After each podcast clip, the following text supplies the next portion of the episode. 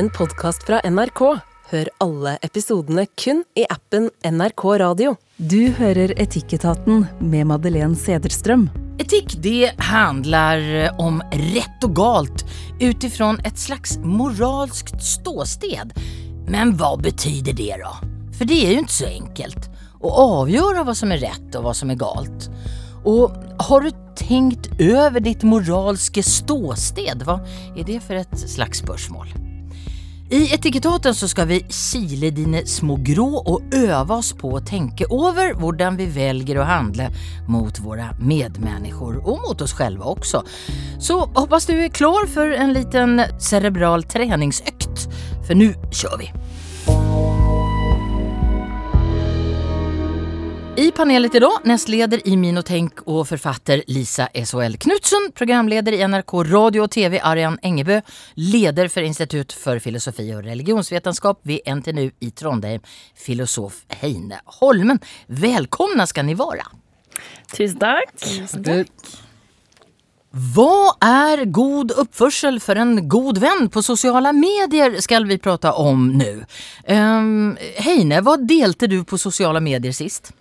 Jeg er gammel uh, Beatles-fan, ja, jeg delte den siste singelen da den kom på nummer én. For det er første gang i mitt liv at jeg har opplevd det. Jeg har hørt på Beatles siden jeg var ni.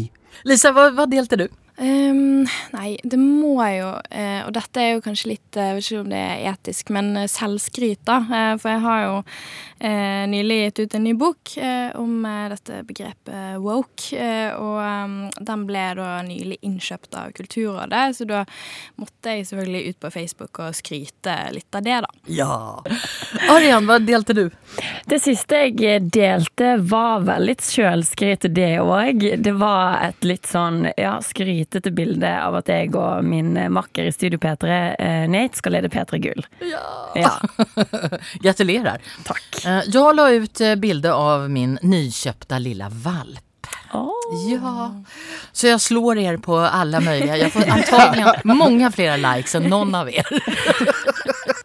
Johanne skriver til oss. Jeg har flere gode venner som har et svært aktivt sosialt liv, og som legger ut alt de gjør og mener noe om i sosiale medier.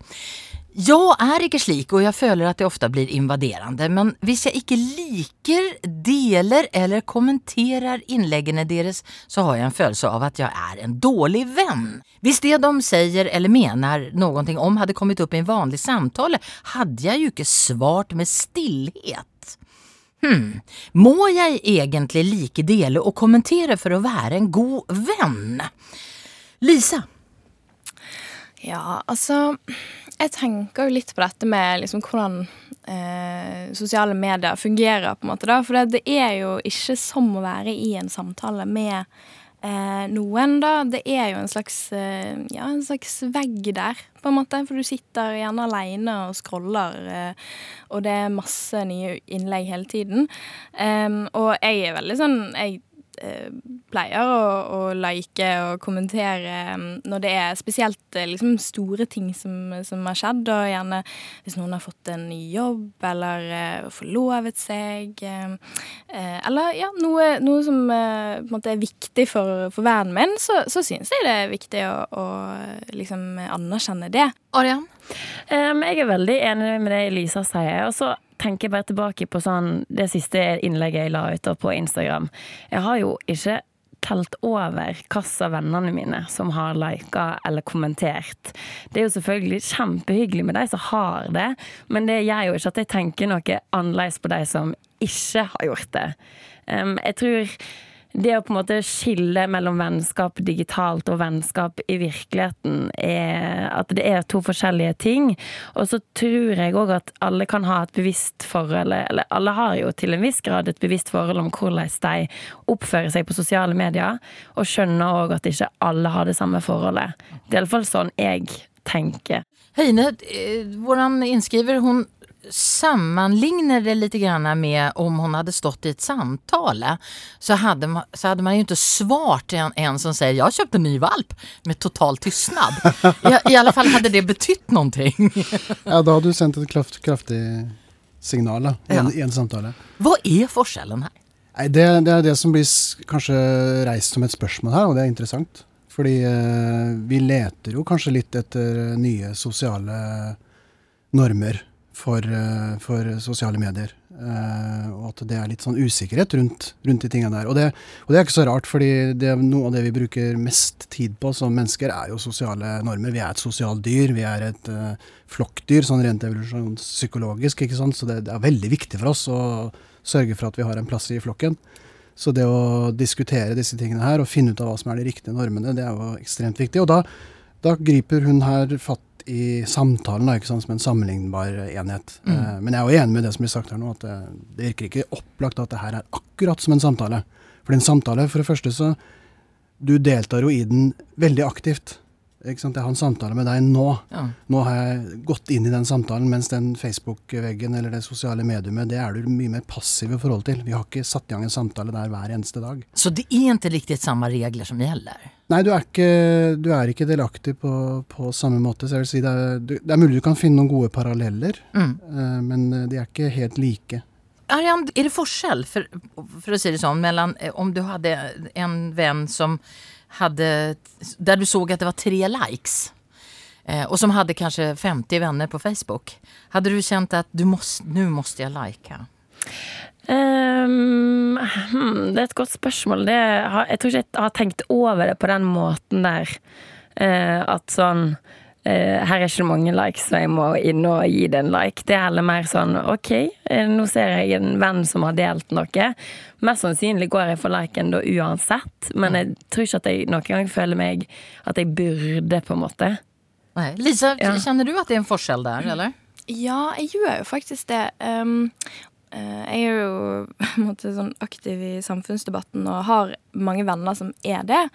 Eh, og der føler jeg også kanskje litt mer på det hvis de deler en kronikk de har skrevet, f.eks., eh, og den kanskje ikke får den oppmerksomheten som jeg synes den bør få, så tenker jeg at eh, OK, men da liker jeg og så skriver jeg en kommentar, for det, da vet jeg at liksom algoritmene gjør at den kanskje eh, blir, eh, blir, mer synlig for enda flere, da. Mm. Så, så, det er jo noe jeg eh, kan tenke på innimellom, da. Så det går altså å være en litt bedre venn på sosiale medier? Her, det, det, det går an å ta sånne hensyn, eller?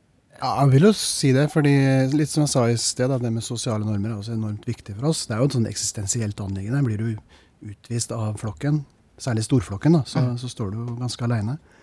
Og, og, det med sosial ekskludering f.eks. er et veldig sterkt virkemiddel. Det virker forferdelig sterkt sånn rent fysisk hvis du ikke hilser på noen når du kommer på jobb f.eks., eller nekter å, eller lar være å sette deg ved siden av dem i kantina. eller eller ekskludere dem på, på sosiale medier. Det er mm. kjempesterkt. Folk får veldig store problemer ut, ut av det. Bl.a. fordi det er viktig for oss å være en del av det, flokken.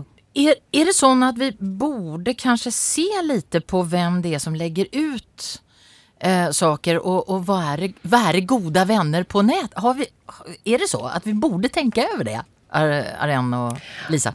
Absolutt. Jeg tror det er, det er sånn som um, både Heine og Lisa snakker om her. Det er, vi alle vil jo bli sett. Og eh, å uttrykke seg digitalt er jo en annen måte å uttrykke seg på. Mm. Sånn at eh, å da faktisk se og anerkjenne hverandre der inne er jo absolutt viktig på lik linje som det er det i virkeligheten, på en måte. Mm. Men så tror jeg òg at vi skal ha full forståelse for de som ikke har behov for å uttrykke seg der, og folk som ikke Ja, sånn som hun som har sendt inn dette spørsmålet, som ikke nødvendigvis føler behov, eller at det er like genuint å gjøre det digitalt, så skal vi ha forståelse for at ikke alle har lyst til å ta del i eh, de samtalene som skjer på internett òg. Mm. Mm. Hvis, vi, hvis, vi, tar, et, hvis vi tar et, en, en, litt vanskelig greie, nemlig en, en menneske som legger ut noe litt sårbart. Mm. Noen som f.eks. skriver at de sliter er det, är det viktigere at vi liker og deler og kommenterer da? Eller ikke liker, kanskje? Vær forsiktig. ja, det er det. Du må være forsiktig med hvilket signal kanskje du sender der. Eh, hvis jeg hadde snappet opp og en god venn av meg hadde lagt ut en ganske sårbar eh, sak, så jeg hadde kanskje tatt den telefonen, da. Mm. For det. ja. Det er det jeg òg tenker sånn umiddelbart, at kanskje det der egentlig er et uh, rop om uh, at jeg trenger å snakke med noen. Sånn at den, uh, den offentlige sånn kommentarer, sånn 'tenker på deg', eller 'sender kjærlighet', eller hva nå enn. Det kan hende kan at det ikke er det den personen egentlig trenger, men det, at det er sånn som Heine sier, en, eh, en telefon. Eller en direktemelding, liksom. Det finns et... ett, eh, alltså svenska Unicef gjorde för några år sedan eh, en kampanj där som de kallade för Likes Don't Save Lives. Jag tror det faktiskt var i Norge också. Och då pekade de på det här problemet med slaktivism. Ett fenomen när folk tror att det håller och trycker på en eh, liker-knapp i viktiga sociala spörsmål. Eh, Så, så kanske det är svaret på spörsmålet eh, Johanna. Att, för att vara en god vän så, så ja, du behöver inte lika och dela men du kan ta den telefonen. Ska vi komma överens om det eller? Väldigt enig. Nästleder i Min och Tänk, Lisa SOL Knutsson, programledare i NRK, Ariane Engebø och filosof Heine Holmen är dagens panel. Nu til det etiske spørsmålet følge sin overbevisning og lage dårlig stemning, eller være med på festen, la det skure gå og ikke slå ned på åpenbare dumheter. Hej, skriver Wilhelm. Jag har en stor familie och när vi mötes sitter både bästeföräldrar, sösken och barn i alla aldrar runt middagsbordet. Och då händer det att de äldre kommer med vittigheter som noen syns er morsomme, mens jeg opplever dem som ubehagelige. Det er små stick her og der som viser at de har fordommer, bland annat mot skeive, kvinner og innvandrere. Jeg har lyst til å si ifra, men kvier meg for å lage dårlig stemning. Har vi ansvar for å korrigere forrige generasjon eller den før det? Og da stiller jeg dette et åpenbart spørsmål til eh, Lisa først. Ja, nei, altså dette er jo sånn, eh, åh, eh, sånn dilemma jeg tror alle eh, kjenner på, på innimellom også, eh, inkludert meg sjøl.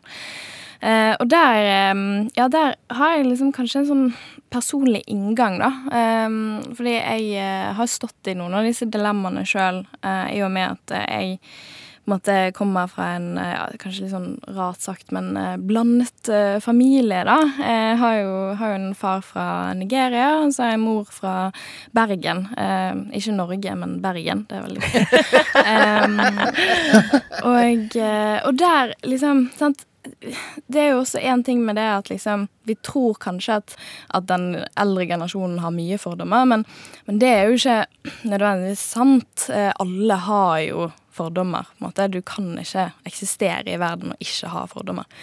De kommer fram eh, i, i kulturen eh, vår og språket, og ja, også liksom vitser eh, innimellom, innimellom, da. Eh, og det er jo ikke sånn at all fordomsfull humor eh, er dårlig eller eh, skadelig, men, men det finnes jo også humor som er det. Ehm, og da har Ja, jeg har jo kanskje tatt liksom den eh, Tatt eh, det der med liksom pick your battles, da. For det er ikke alltid at jeg orker å være den som måte alltid skal, skal lage dårlig stemning, på en måte, da. Eh, og, og da eh, er det jo veldig fint hvis noen andre vil lage den dårlige stemningen eh, for meg.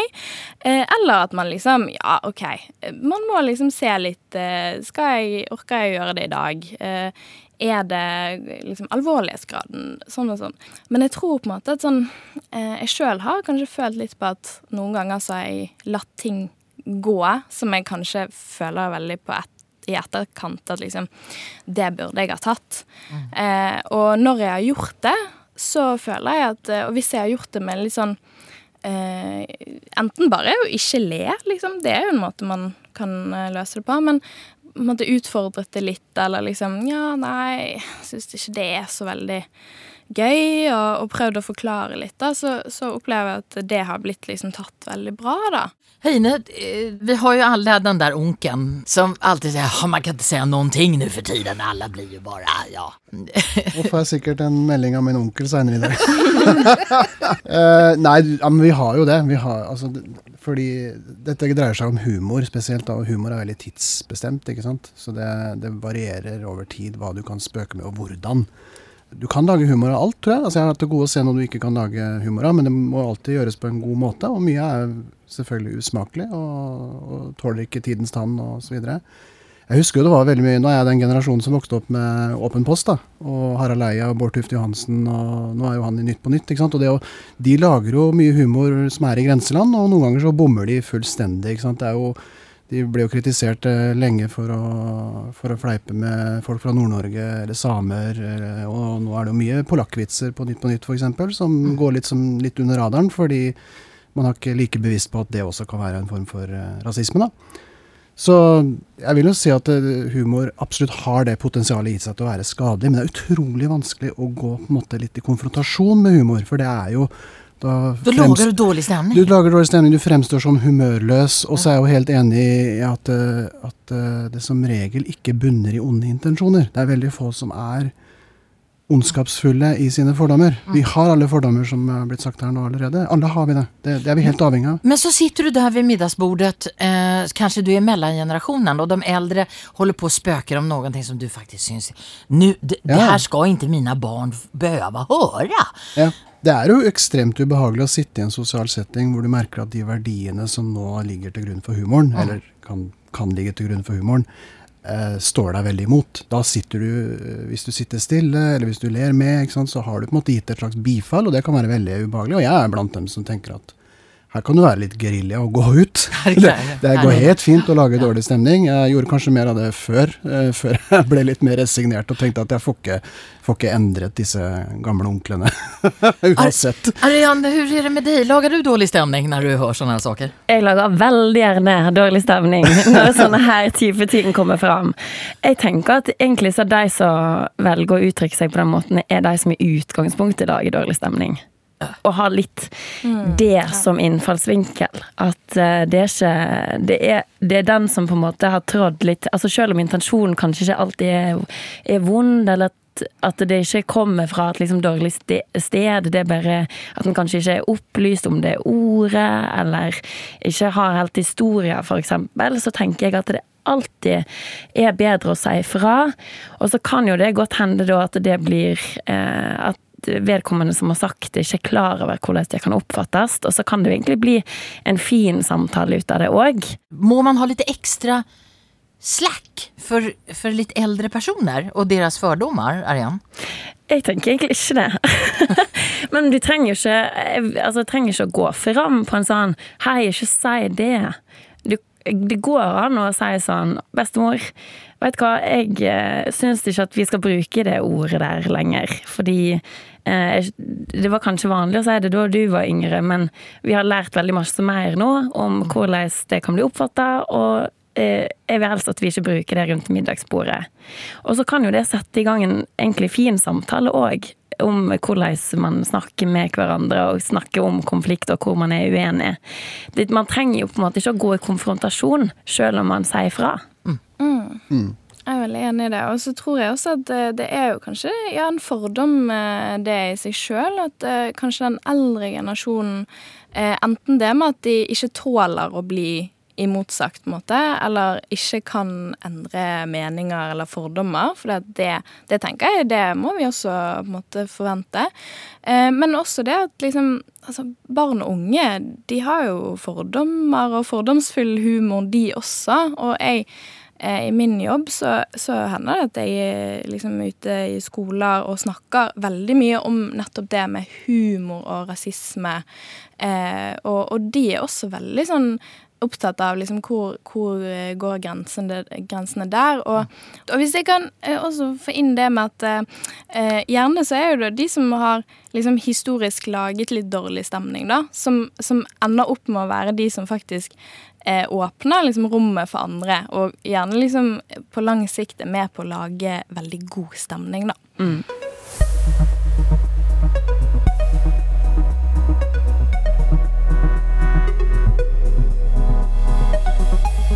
Du lyssnar alltså på Etikettaten och en av de viktigaste tingene vi gör är ju att ta emot eh, kommentarer och eh, likes, eh, för att säga det sånt, ifrån dere kära lyttere, också ris. Kjetil skriver så här. Har hört på Etikettaten och på diskussionen om ordet missunnelse. Her i huset har vi et ord for det dere leter etter, nemlig et ord som då ikke er at man ikke unner noen. Vi kaller det for å være finfåelig, satt sammen på denne måten. Den var veldig fin, den vil jeg også få eller ha. Da er man finfåelig. Jeg er også usikker på om det er andre enn oss som bruker det her ordet, men er veldig begeistret og prøver å spre det best vi kan. Hilsen Kjetil Frøysnes. Du kan gjøre som Kjetil, for at hvis du åpner appen NRK Radio, og så kan man trykke på en knapp i programmet Etikettaten der det står 'send in. Og der kan du stille dine spørsmål, kommentere, foreslå temaer som vi kan drøfte og alt det der. Du lyssnar på Etikettaten. Det er nestleder i Minotenk, Lisa SHL Knutsen, programleder i NRK Arian Ingebø og filosof Heine Holmen i panelet. Vi skal prate om konkurranse, og ikke minst konkurranse for barn eller unge. Och börjar med Heine, er du et konkurransemenneske? Ja, ja, ja. Du må lokke meg utpå, da. Jeg synes, eh, jeg, tar gjerne ofte en sånn eh, til spill, og sånn, så tenker jeg nei, det her raker meg ikke, det her er liksom under min verdighet. Men eh, i det øyeblikket jeg er lokket med, så, så skal jeg knuse det. Er du dårlig forlorer? Jeg var det. Ja. Jeg skjuler det godt nå. Arian, er du konkurransemenneske? Eh, kun hvis jeg vet at jeg kan gjøre det bra. Ja. Hvis jeg i utgangspunktet er dårlig, så går det fint å være dårlig. Lise? Nei, jeg, altså Jeg er ikke veldig opptatt av å vinne ting eller være best, men eh, en veldig dårlig taper. Så, så det Ja. Ida skriver til oss Sønnen min går i første klasse. I går kom han hjem og fortalte at han hadde fått en stjerne på en liten prøve. Alle hadde fått stjerne, fortalte han, bortsett fra Mari, for hun hadde fått både stjerne og en måne. Jeg tok opp det her med foreldregruppen. De syntes det her var helt greit, fordi barn må tåle å konkurrere.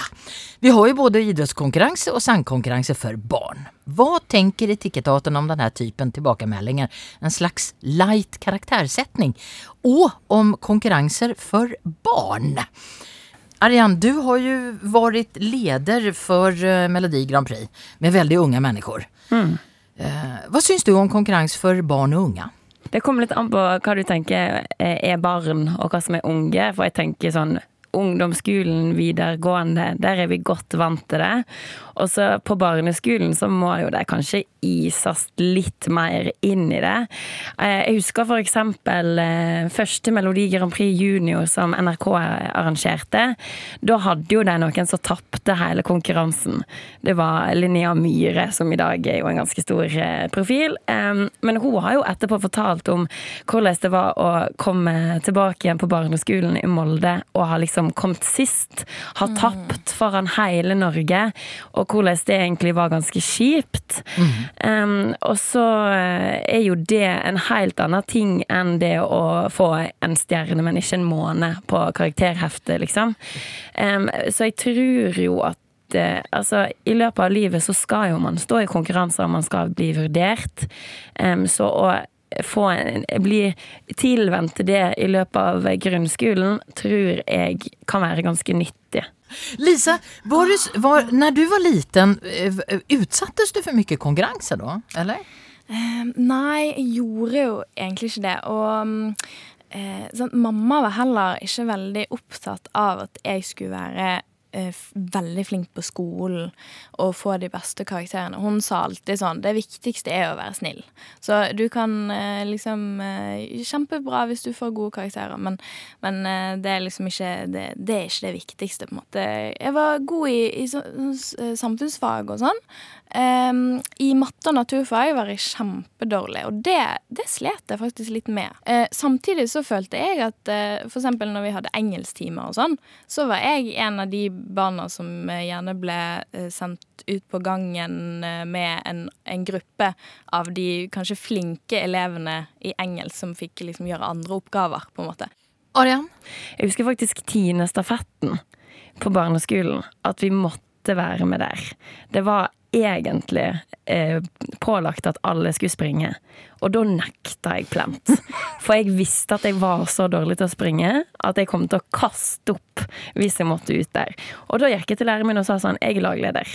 Jeg er lagleder den dagen og gjør ikke noe på den banen.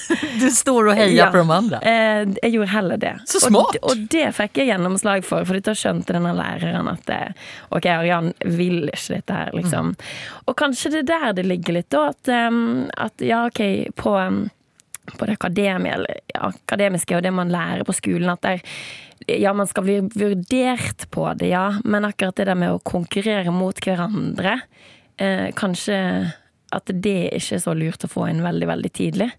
Men at det heller skal gå på at man skal konkurrere, på, mot, seg sjøl og med sine egne em, ja, med sine egne forventninger og ferdigheter. Det er jo forskjell på å bli anerkjent og få tilbakemelding, og, da, og det å stå i en konkurranse. Der man blir satt opp mot hverandre. For jeg tror at det er viktig å få tilbakemelding på de gode tingene de gjør, de tingene du kan gjøre bedre. Men det er når det begynner å liksom skal sammenlignes med andre, at det kanskje kan oppleves um, ja, vanskeligere, da. Ja, for at det, i en konkurranse så er det bare én vinner. Ja.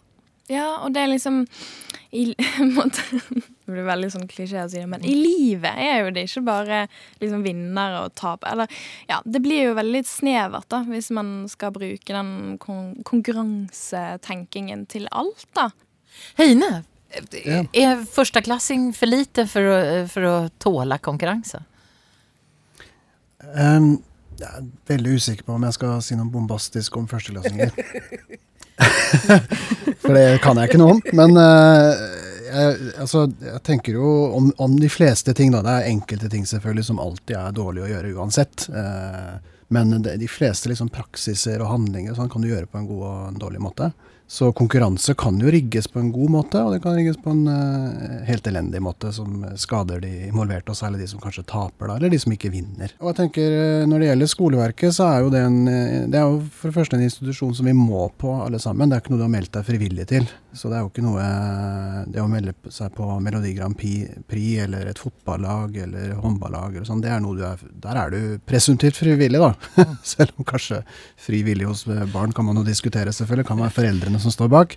Men skolen, der må vi alle inn. Det er en arena vi alle må inn på, enten vi vil eller ei. Så der er det viktig at eh, hvis det skal være konkurransevilkår der, så må det gjøres på en god måte. For det er dels en eh, oppdragelsesanstalt, dels en dannelsesanstalt, det er en kunnskap som skal inn, verdier som skal inn. Så det konkurranse der kan jo produsere ganske dårlige resultat da, Mm. for de som er involverte. For det finnes jo ikke altså, Det er et eller annet med Særlig barn vokser voldsomt på anerkjennelse. Og anerkjennelse kan du jo få gjennom å konkurrere og få på en måte vite at ja, dette gjorde du bra. Mm. Men eh, du kan jo også få det motsatte, ved å få greie på at eh, nei, det her gjorde du ganske dårlig.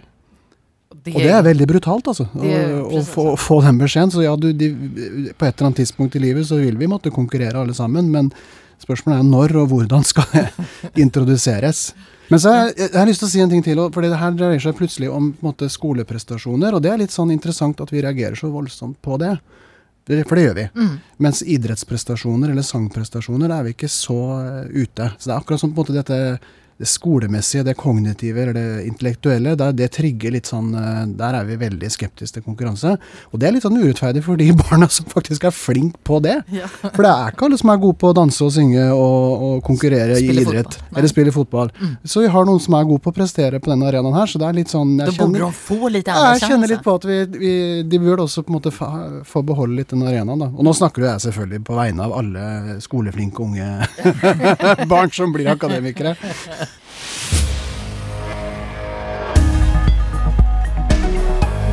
Nestleder i Min Lisa SHL Knutsen, programleder i NRK, Arian Engebø og filosof Heine Holmen er i Etikettaten i dag. Eh, Lisa, har du reist deg for noen på tog, trikk eller buss noen gang? Eh, ja, det har jeg. Jeg tenker det er viktig det med liksom eldre, gravide, eh, de, ja, eh, Ja. folk som eh, kanskje har eh, eh, krykker og sånn. Det, det er veldig viktig å reise seg for de, altså. Arian, har du? Em, gjennom livet, eh, absolutt. Det har skjedd. Men jeg er nok ikke så god på det som jeg burde være. Heine? Jo da, det er, jeg gjør stadig det. Jeg, men jeg, jeg, jeg har blitt skremt én gang. For veldig lenge siden.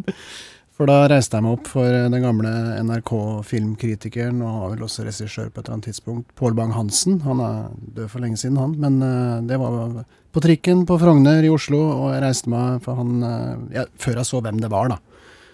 Uh, for han var jo til årskommen, men han uh, sa 'sett deg ned, unge mann'. Uh, han var da frisk nok til å kunne stå. så der fikk jeg klar beskjed. Lisa, når, när du har reist deg opp, har du, har du fått sånn der har, har, du hatt litt betenkeligheter iblant? Ja, det er jo akkurat det da, som Heine var inne på. At noen ganger så er man litt usikker på om det tas ille opp. Eller sånn Oi, jeg så For ja, jeg tenker på min egen mor, da, som er, er 63. Eh, og, og, er liksom super Jeg ser jo på henne som supersprek, på en måte, men, men eh, det kan hende noen tenker eh, Og noen ganger så kan du tenke at hun også syns det er fint hvis noen reiser seg, men, men det er litt det der med eh, liksom Hun ser jo ikke på seg sjøl som, som gammel, på en måte. Og hvis, hvis hun måte, får det sjokket på en måte sånn Oi, jeg så Jeg blir så gammel, på en måte, at folk reiser seg. Uh, det her er kanskje ikke så enkelt. Uh, Lisa, du sa når du takket ja til å være med i Etikettaten at du gjerne ville snakke om folkeskikk. Og det kan vi gjøre nå, for vi har fått en mail fra en frustrert pappa, bestefar og venn. Hei, skriver han. Jeg er frustrert over bruken av mobiltelefon når vi får besøk av barn, barnbarn og venner. Telefonen blir tatt frem midt i samtaler, den ligger alltid foran dem på bordet, og ved det minste pip må den alltid sjekkes. Og snakkesammen blir vanskeligere og vanskeligere, og på meg virker det som om det er stillheten som er skremmende. Jeg har lyst til å sette opp en skylt på døren der det står “Lägg telefonen her, det er oss ni besøker'. Kära panel, eh, det er flere dimensioner her, men, og vi skal prate om mobiltelefon. Men kan vi prate litt først om folkeskikk? For hva er det egentlig? Hva lägger vi i ordet folkeskick? Heine, har du en uh, god definition på hva folkeskick er? Ja, det er vel uh, lettest å definere det i form av sosiale normer som gjelder innenfor den flokken du er en del av, enten det er eh, kulturen eller byen, eller, og det varierer noe voldsomt fra sted til sted. Derfor er det jo folkesjikt, da. ikke sant? Mm. Så bare for å ta et eksempel. Du, nordmenn snakker sjelden til fremmede, men går du langt nok inn i skogen, så begynner de å hilse. Ja, Og da oppfattes det som veldig u... Ja altså, du, skal, du, du, må hilse. Da må du hilse, og kanskje til og med slå en prat og snakke litt om været. ikke sant? Ja. Men, eh, men, men, gjør for guds skyld ikke det på T-banen i Oslo, for da blir du sett på som litt uh, aparte. Lisa, du ville gjerne ta opp det her. Hvorfor? ja, nei, for jeg, jeg ser jo uh, veldig på folkeskikk som noe av det liksom, viktigste sånn limet vi har i samfunnet, på en måte. De her litt sånn uskrevne eh, regler på en måte da med sånn Ja, bare sånn Ikke kommentere på en måte folks uh, sitt utseende på en negativ måte, eller, eller det å liksom bare vente til folk har fått gått ut av bussen eller T-banen før man går på. Ja, litt sånne Ikke snike i kø, altså vente på sin tur. Altså de, de småtingene, men som, som, jeg tenker liksom er helt essensielle, på en måte. da, At vi uh, For å Ja, og ikke minst det å liksom si uh, til um, butikkansatte og liksom 'tusen takk'. og hei, kanskje. Ja, og hei, gjerne. Ja. Så, så det, det, er sånne ting som jeg tenker bare Ja, mer, mer av det. Får jeg dra litt veksler på ditt flerkulturelle nå? Ja, altså jeg er jo på en måte veldig Altså jeg er jo vokst opp uh, stort sett med, med mamma, da, som, som, er fra Bergen. Uh, hun har vært veldig opptatt av dette med folkeskikk. Mm. Eh, men samtidig så har jo jeg, jeg har jo gått på skole i Sør-Afrika. Eh, gikk på videregående der.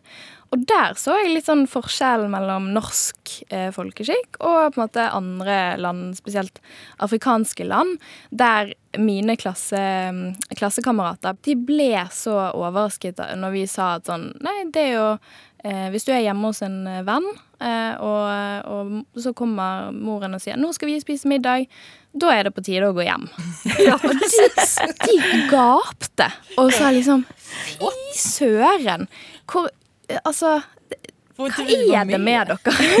det er jo helt uforskammelig. Det, sånn, I min, eh, min kultur, det, da er alle invitert på middag, og selvfølgelig, og liksom eh, Sånne ting, da. Og, og, det med å liksom eh, rekke seg over bordet eh, for, å, for, å, hente liksom eh, det man skal ha til tacoen, eksempel, det også er jo veldig sånn Det gjør man gjerne ikke i andre kulturer. Da spør man om man kan sende, sende det man skal ha. Men, men sant, vi har jo gjerne en tanke om at det er høflig å ikke forstyrre noen med å, Med å spørre. ja. Ja.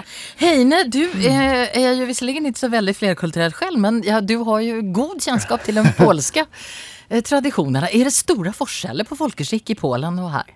Ja, altså Min samboer er jo da halvt uh, polsk, så Polen har et veldig mye mer uh, Litt mer rigid eh, folkeskikksystem. Altså med, med høflighetsfraser og normer og mm. hvordan man tiltaler hverandre. Og det er bygget, ofte bygget inn i språket. Mm. Uh, det har vi jo hatt litt mer av i Norge før òg, fordi det å være dus f.eks. er jo et begrep som ingen skjønner lenger. Nei. fordi før så var man ikke dus før man hadde invitert inn til å liksom være du og med fornavn. Skal vi være dus, Skal vi være dus, ikke sant? Og da gikk man på høflighetsform og de-form. Jeg, jeg jobbet i en eh, butikk eh, for mange mange år siden mens jeg studerte, og, og da slapp det ut et sånn eh, de til en eh, eldre kvinne der da, som jeg syntes var, var veldig hyggelig å snakke med, og så slapp det ut, og hun ble meget fornærma over at jeg hadde putta henne på avstand. Så de tinga her snur jo. Og det varierer voldsomt fra kultur til kultur. Jeg vet bl.a. at i Sør-Korea for eksempel, så er det bygget voldsomt inn i språket. Så det er, eller koreansk språk, da. Så det gjør f.eks. at en utlending som skal lære seg koreansk, umulig kan komme inn i språket på en god måte uten å samtidig i innlæringsfasen risikere å fornærme hele flokken. Fordi de, det ligger, på en måte høflighetsfrasen ligger så sterkt bundet inn i, i det koreanske språket. Da. Arian, du har jo også flerkulturell bakgrunn, Ja. med fra Wales. Mm, mamma er fra Wales, og pappa er halvt bergenser, halvt sunnfjording. um, eh, ja, så jeg òg har noen sånne ting som jeg har lagt merke til i UK. Jeg har bodd der noen år sjøl òg, har kjæreste fra England. Og eh, en ting som jeg legger veldig merke til der, som de har som en del av sin folkeskikk, er det der med å sende kort. Det er alltid liksom kort som skal sendes på morsdag, farsdag, bursdag, julekort. Du skal gjerne sende takkekort for alle gavene du har fått i, til jul til bursdag. Og det er jo en skikk som jeg eh, Altså, jeg syns, for helt ærlig, jeg syns det blir for meget. Jeg kan godt sende en melding eller ringe eller så, og si tusen takk, men å sende et kort i posten For det rekker ikke med en melding, det, eller en telefon. Nei, det, det, ska vara ett ikke. kort. Det skal være et kort der du Ok. har skrevet for hand. Ok. Sier bestemora mi, iallfall. Men så er jo det veldig mange andre ting i britisk kultur. De er jo ekstremt høflige og ekstremt på det der med å holde døra, og, og kanskje òg henger igjen noen ting der med at gjerne det er mannen som skal ta ut stolen for jenta og, og åpne døra for jenta, bla, bla, bla. Som jeg tenker vi kan kanskje viske litt ut nå. Ja, det er litt snurrebart og flosshatt. Nettopp. Ja. Ja, og I Sverige, Lisa, så er det sånn at der takker vi omtrent 52 ganger innan vi kommer ut i butikken. Det blir 14,50 takk, ja takk, ja veksel takk, ja Jo, men jeg sier Ja, påse, altså sånn eh, Ja, takk for at jeg får betale. Eller jeg sier liksom ah, takk, takk Nei takk til kvitter. Nei takk til pose. Ja. Ja. Men nå må vi egentlig tilbake til selve själva eh, vårat, eh, frustrerte pa eh, pappa og bästefar och vän. Detta med mobiltelefon. Hva, vad, vad kan vi kreve av de unga som kommer på besøk til bästefar? Eller pappa? Eh, jo, altså, f altså jeg, jeg, jeg er veldig opptatt av folkeskikk fordi det er det der sosiale limet som eh, binder oss sammen. Men det som sagt, det endrer seg sånn. Men, eh, og, og det å på en måte gå ut av en samtale som du sitter i med å plutselig være nede i skjermen, det oppleves som veldig sterkt hvis, hvis du gjør det. Det, det er, og vi reagerer jo gjerne på mangel på folkeskikk. da. Det er der vi liksom virkelig merker at det er ubehagelig. Så det er en sånn ting som man kan merke seg. Men jeg vil jo si det å sette opp det skiltet på døren Hvis jeg hadde kommet og besøkt han, eh, og jeg hadde fått et skilt som allerede i utgangspunktet antar at jeg har så dårlig folkeskikk at jeg ikke klarer å la være å se på telefonen når jeg prater med han, så hadde jeg kjent at det var mangel på folkeskikk. Så det er en mistillitserklæring, da. I allerede utgangspunktet. Men han kan få lov å si ifrån eh, til barn og barnebarn? Ja, det syns jeg absolutt. Jeg er tilhenger av å være moralist på de riktige tingene. Ja. Eh, Arian, Um, jeg tenker at hvis bestefar har lyst til å henge opp en kurv, så gjør han det. Um, meg og vennegjengen min har hatt i perioder at når vi har vært ute og ete, f.eks., så har vi hatt uh, et mobiltårn i midten, og så den første som tar mobilen, må betale regninga. Oh, uh, Kjempelurt. Ja, sant. Det går jo an å gjøre variasjoner av det, men det det sier, er jo at vi er her for å snakke sammen og for å se hverandre i øynene. Mm. Ja, jeg også tenker veldig Og jeg er jo litt sånn flau over Ja, liksom, jeg vil gjerne snakke om folkeskikk, men, men det med mobil og sånn Jeg er superdårlig til det sjøl, altså. Eh, og det handler jo om at liksom, telefonen er både jobb og det sosiale, og liksom der man holder kontakt eh, med verden. Men, men, jeg måtte liksom virkelig ta meg sjøl litt sånn eh, nå, jeg, nå skal jeg være med noen ansikt til ansikt og, og, fysisk, og da er det så verdifullt, og da må jeg ikke være, bli distrahert av ting som kan skje på mobil. Da. Så jeg mm. tenker også at det er veldig innafor for eh, bestefar å, å, si det tydelig. Eh, og så kan heller måte barn og barnebarn si fra hvis sånn 'Å, men jeg venter noe fra jobb', eller 'Det er noe som er veldig viktig, som jeg må eh, på en måte passe, eh, liksom, følge litt med på. Eh, men ellers at man har liksom eh, en tanke om at det, det, holder vi utenfor i en liten stund, i hvert fall. Mm. Eh, er det her et litt overgående fenomen? Er det sånn at dere, Arian og Lisa, er en generasjon der det her har Ni, ni har blitt så durabelig slått i hodet med det her med mobiltelefonskikk at, at det kommer å gå over? Eller? Hva ja. tror du, Arian? Jeg tror ikke at det kommer til å gå over med det første, nei. For jeg òg, sånn som Lisa sier, jeg har blitt ekstremt vant til å ha mobilen ved siden av meg til alle tider. Jeg merker òg at jeg bruker det som en liten sånn sosial buffer av og til. Hvis jeg er rundt folk som jeg ikke nødvendigvis helt vet hvordan jeg skal ta samtalen videre nå, så blir det til at å, jeg må bare svare på denne mailen her. Mm -hmm. Eller liksom at jeg kan bruke det som en eller annen unnskyldning. Så jeg tror nok at dette her er et problem som har kommet for å bli og at det heller er viktig at vi tar litt, tar litt grep da, i situasjoner der vi har lyst til å være sosiale uten mobil, eller der vi ser at eh, ok, nå stjeler av fokuset vårt. At vi faktisk tør å si fra, og, og heller lage en liksom ja, en tor, et tårn på midten av bordet, eller eh, har en korg, eller noe sånt. For jeg tror at det, det, er en sånn viktig del av samfunnet nå, den mobilen uansett, at kommer, den kommer alltid til å være der. Så vi må heller lage noen regler for hvordan vi bruker den rundt det sosiale. Mm. Mm. Lisa, ja. kan det være neste bok du skriver eh, mobiltelefonbruk? Ja, ja kanskje. Det, det, jeg tror også, som Marian sier, at eh, det er noe som har kommet for å bli. Um, men jeg tror det er mye mer um, på en måte liksom Forståelse rundt det at vi er blitt avhengige, da. Eh, og at man tenker litt mer på det. Jeg ser i hvert fall mer og mer at eh, når jeg er med venner, så har man gjerne telefonen på bordet, men man har gjerne skjermen ned. For at man nettopp skal liksom ikke bli eh, liksom seende på de varslene eh, som kommer, og at man i hvert fall er litt mer eh, til stede, da. Heine, du er visserligen litt eldre enn damene her, men, men tror du at det her kommer å gå over? Altså, det er veldig vanskelig å spå framtida, da. Men det at vi skal være distraherte og påkobla, det å på en måte multitaske, altså være i en sosial setting og samtidig være i andre sosiale settinger fordi du er påkoblet, det tror jeg kanskje vi kan finne på hver dag. På en eller annen måte, men ikke nødvendigvis med en skjerm og en telefon. Men kan, kan det hende at det, at det kommer eh, et slags sosiale regler, at det blir en folkeskikk eh, diskusjon omkring dette. Så att, som gjør at det kommer å være helt uakseptabelt å ta med seg telefonen og legge den på bordet framfor seg ved middag. Ja, Vi har på en måte et lite tema her i dag med det der sosiale dyret. da. Så De sosiale normene våre det er vi veldig opptatt av. så Vi kommer til å lage det overalt. For det er veldig viktig at vi går sammen. At vi fungerer sammen som gruppe. Så normer presser seg på. Om de blir veldig rigide eller ikke. Men eh, det er helt klart at det, det er jo allerede normer rundt, rundt dette her da, som har blitt illustrert med mobiltårnet og det å legge skjermen ned. og og sånn. Så frustrert bestefar, pappa og venn. Eh, korg ved inngangsdøren med stor skylt. Kanskje litt i overkant.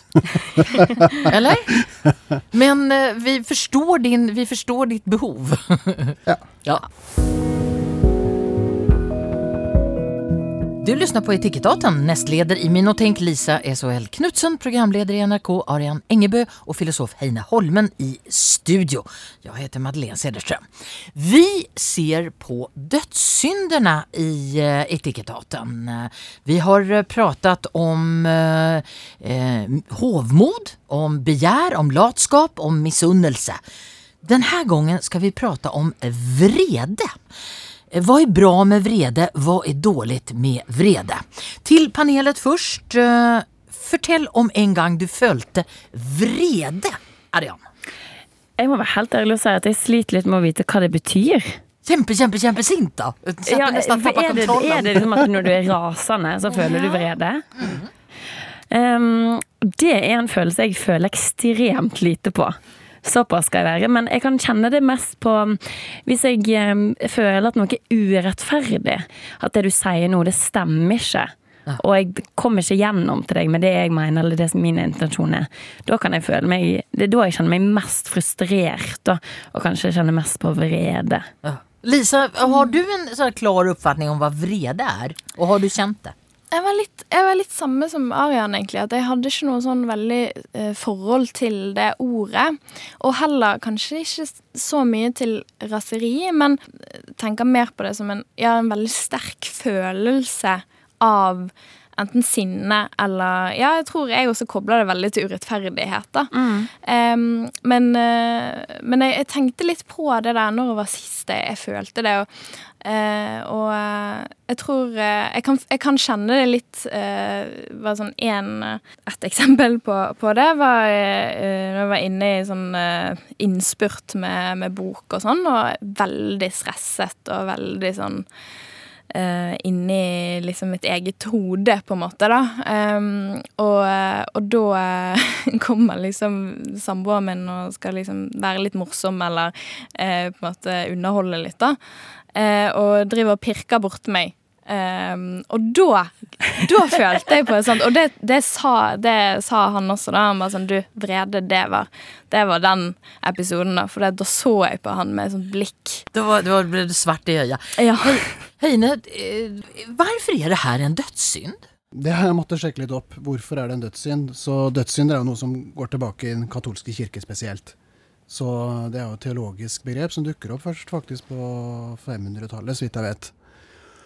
Og, har sånn vidt, en viss rot i Bibelen, hvor det snakkes litt om en sånn synd til døden, og som da er eh, en eller annen variant utilgivelig. Det vil si du må gå til skriftemål og gjøre hele runden da, for å få tilgivelse for dette. Det, dette er ikke noe du bare kan angre på, og så går det over. Og det er bl.a. fordi eh, i den kristne tenkning så var eh, vreden noe som ikke bare hadde katastrofale konsekvenser fordi det kunne føre til død og vold og, og voldsomme ting, men også fordi den brøt kjærligheten til Gud.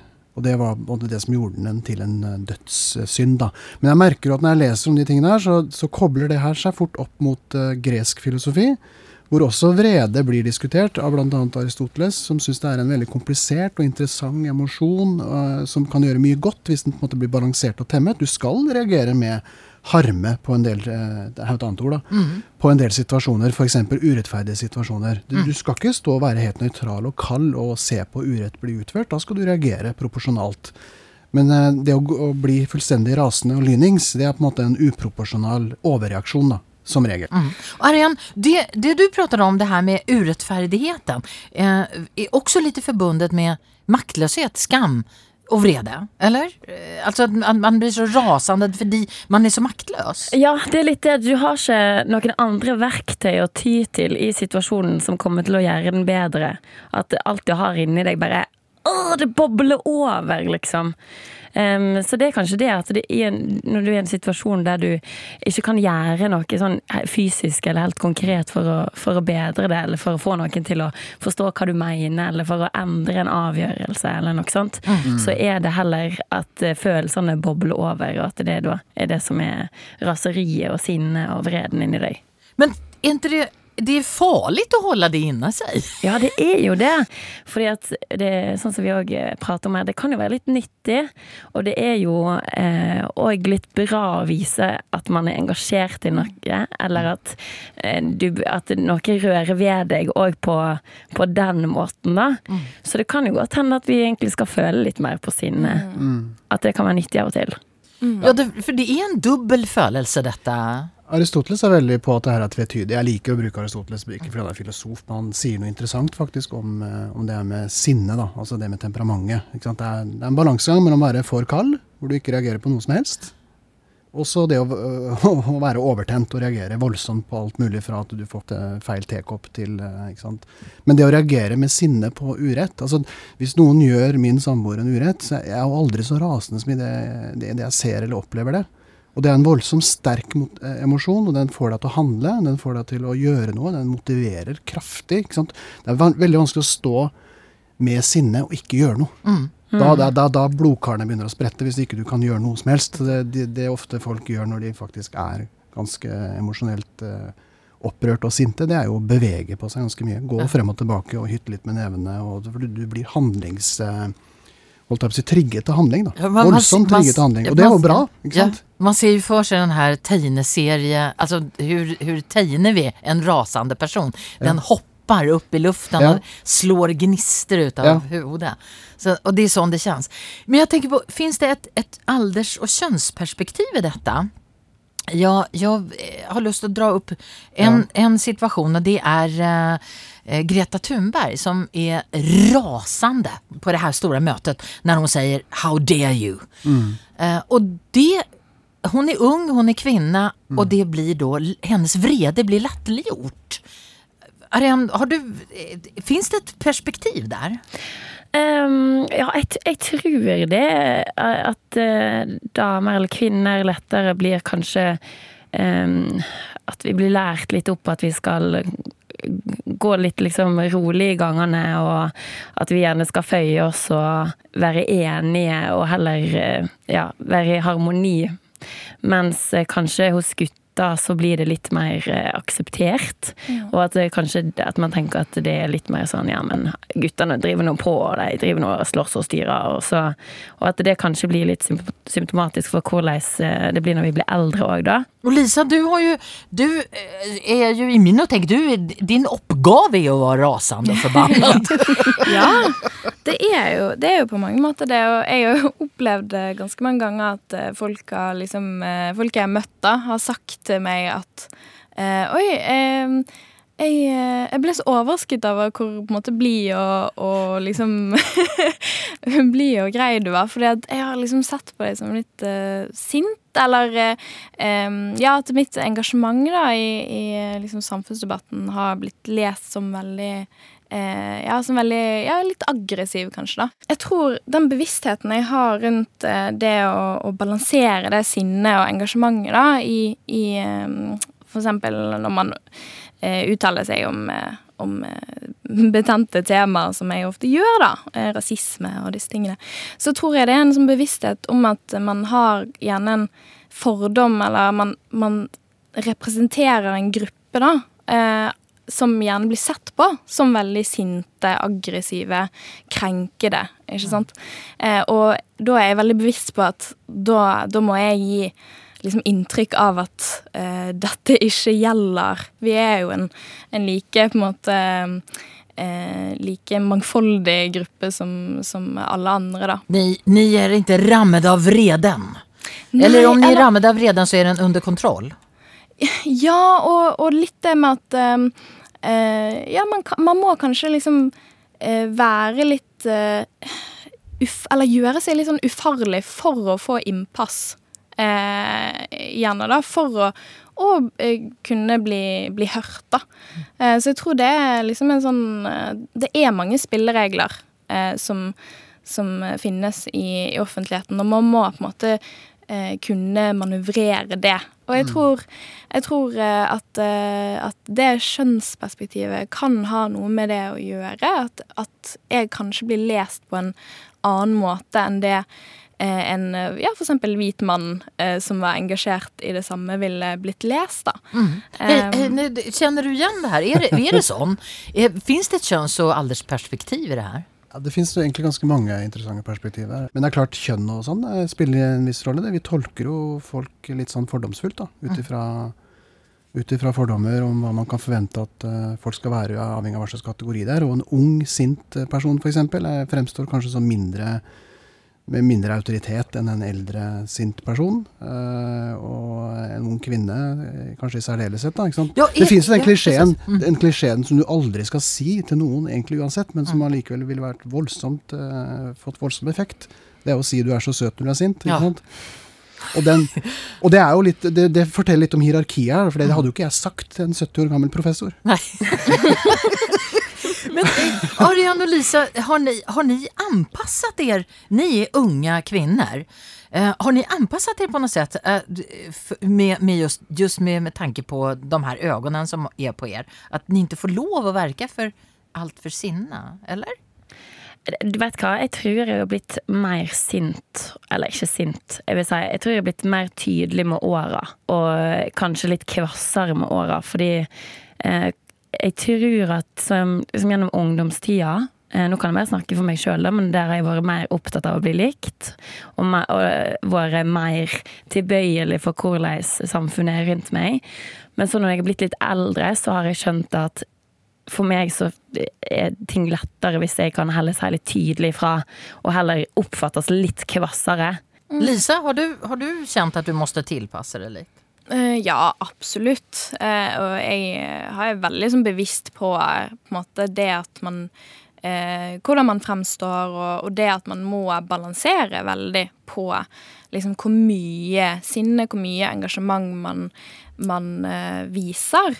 Eh, men så mener jeg også veldig det at liksom Vi må vise den sterke måte, indignasjonen. Der tenker jeg, der trenger vi eh, ikke bare den innestemmen. Mm -hmm. Der trenger vi å liksom si tydelig fra. Og, og om man viser følelser, så tenker jeg det er det burde vi gjøre. på en måte. Så, så jeg tenker også at um, vi trenger også eh, vreden. Veldig bra. Det var godt sagt. Liksom. Veldig godt sagt. Ja, det var godt sagt.